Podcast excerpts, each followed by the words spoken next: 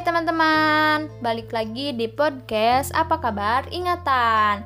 Semoga teman-teman sehat selalu ya dan tetap di rumah aja. Di episode kali ini saya akan membahas terkait tipe penelitian kualitatif. Di mana episode sebelumnya tentang metode penelitian saya membahas etnografi dan grounded teori. Nah, sekarang saya akan membahas tipe fenomenologi dan action research. Yang pertama, tipe fenomenologi, yang di mana melihat fenomena yang ada, tetapi tetap melakukan analisis. Dalam fenomenologi itu dituntut untuk mendeskripsikan lalu pemaknaan, tetapi tidak dituntut untuk menemukan hal yang baru. Nah, yang paling penting itu melihat apa sih yang peneliti temukan. Jadi, kemampuan dalam mendeskripsikan sebagai contoh, anak jalanan itu terdapat dua tipe, yang di mana anak jalanan yang betul-betul tidak punya rumah dan anak jalanan yang punya rumah tapi sering di jalan atau di rumah sekedar tidur atau mandi. Selanjutnya terdapat prinsip dasar fenomenologi loh teman-teman. Yang pertama itu pengetahuan adalah kesadaran.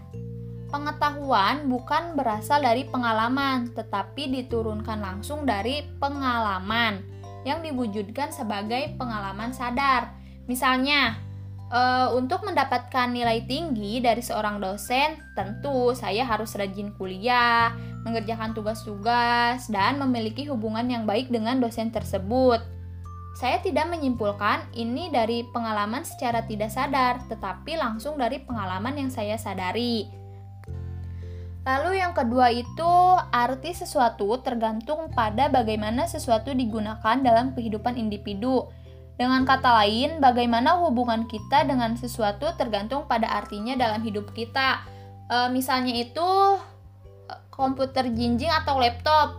Untuk anak, tentu itu berfungsi sebagai permainan atau game.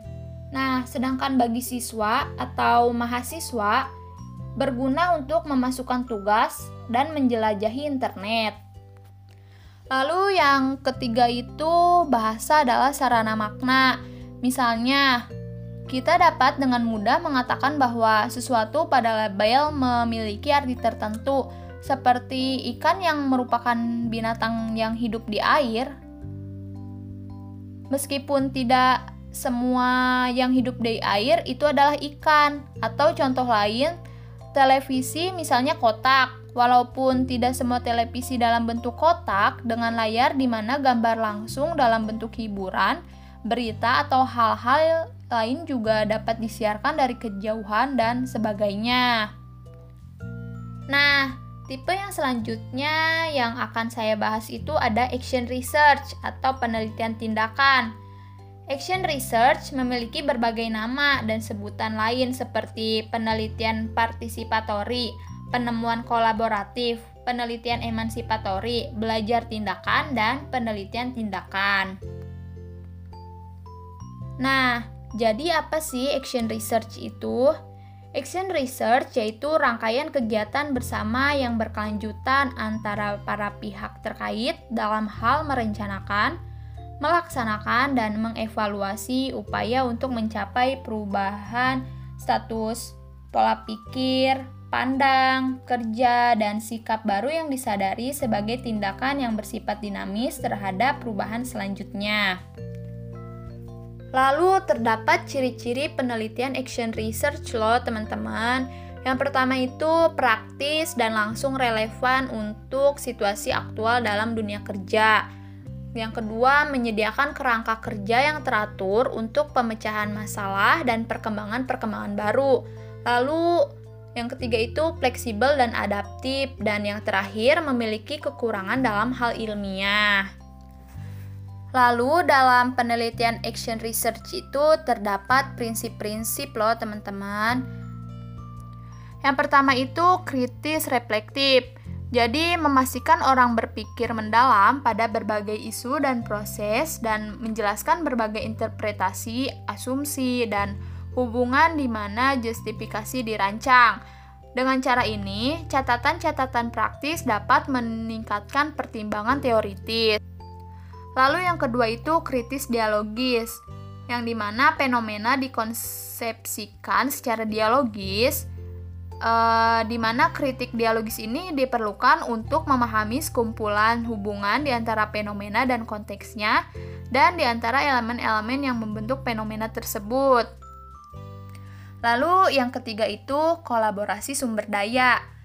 Nah, hal ini mengupayakan pencegahan dominasi pencetus atau pemegang ide awal semata dan memungkinkan adanya pengumpulan informasi mendalam baik dalam satu sudut pandang ataupun berbagai sudut pandang.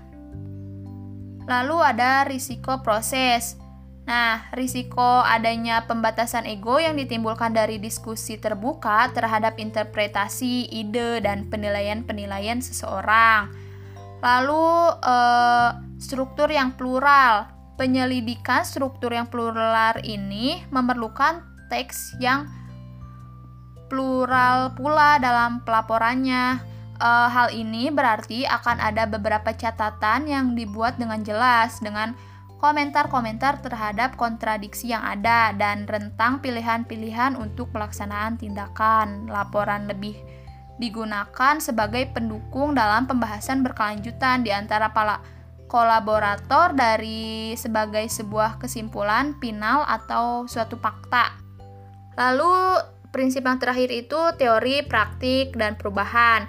Nah, keduanya itu merupakan aspek yang saling terkait dalam proses perubahan. Proses ini tergantung dari para peneliti dalam membuat justifikasi teoritis pada tindakan-tindakan yang diambil dan mengembangkan dasar-dasar justifikasi tersebut. Oke, teman-teman, mungkin pembahasan di episode kali ini saya cukupkan dulu ya. Tetap ingat selalu dan sampai jumpa di episode selanjutnya. Bye bye.